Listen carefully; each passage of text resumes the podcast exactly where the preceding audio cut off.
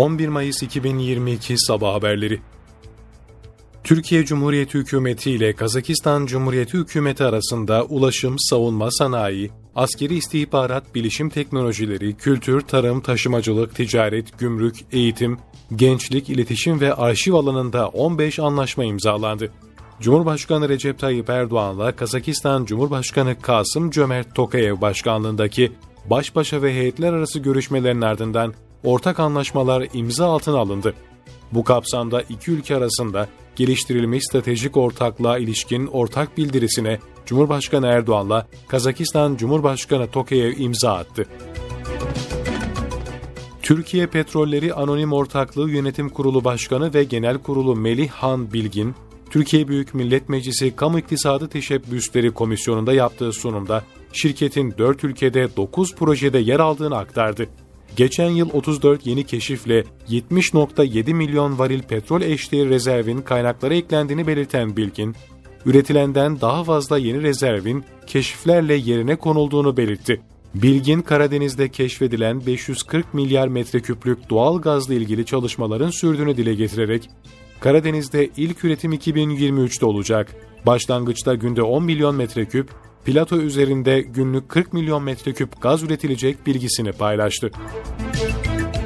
Cumhurbaşkanı Recep Tayyip Erdoğan'ın düşük faizli kredi açıklamasının ardından fırsatçılar satışa çıkardıkları konut fiyatlarını yükseltti. Bir ilan sahibi açıklamanın üzerinden bir saat bile geçmeden ev fiyatını tam 850 bin lira arttırdı. Cumhurbaşkanı Erdoğan'ın konut kredilerinin faiz indirimi müjdesinin ardından ev sahibi olmak isteyenler ev beğenmeye başladı. Ancak açıklanan paket emlak piyasasındaki fırsatçıları da harekete geçirdi. İlanlardaki evlerin fiyatları dakikalar içerisinde yükseldi. Fırsatçılar talep artışı olacak beklentisiyle satıştaki konutlarının fiyatlarını hızla yükseltti. Bu değişim internet üzerinden gayrimenkul satışı yapılan platformlara da yansıdı. Türkiye'de 1858 kişinin COVID-19 testi pozitif çıktı, 7 kişi hayatını kaybetti. Sağlık Bakanlığı günlük koronavirüs tablosuna göre dün 134.646 COVID-19 testi yapıldı, 1858 kişinin testi pozitif çıktı, 7 kişi hayatını kaybetti, iyileşenlerin sayısı 1511 oldu. Ülke genelinde müzik yayını yapabilme süresi saat 01'e kadar uzatıldı. İçişleri Bakanlığı konuyla ilgili 81 il valiliğine genelge gönderdi.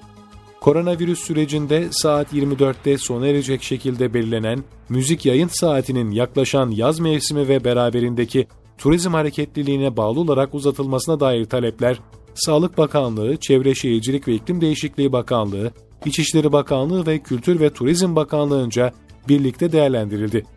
İçişleri Bakanlığı'nca gönderilen genelgeyle müzik yayınına dair usul ve esaslar valiliklere gönderildi. Böylelikle İçişleri Bakanlığı konuyla ilgili 81 il valiliğine gönderdiği genelgede ülke genelinde müzik yayını yapabilme süresini saat 01'e kadar uzattı.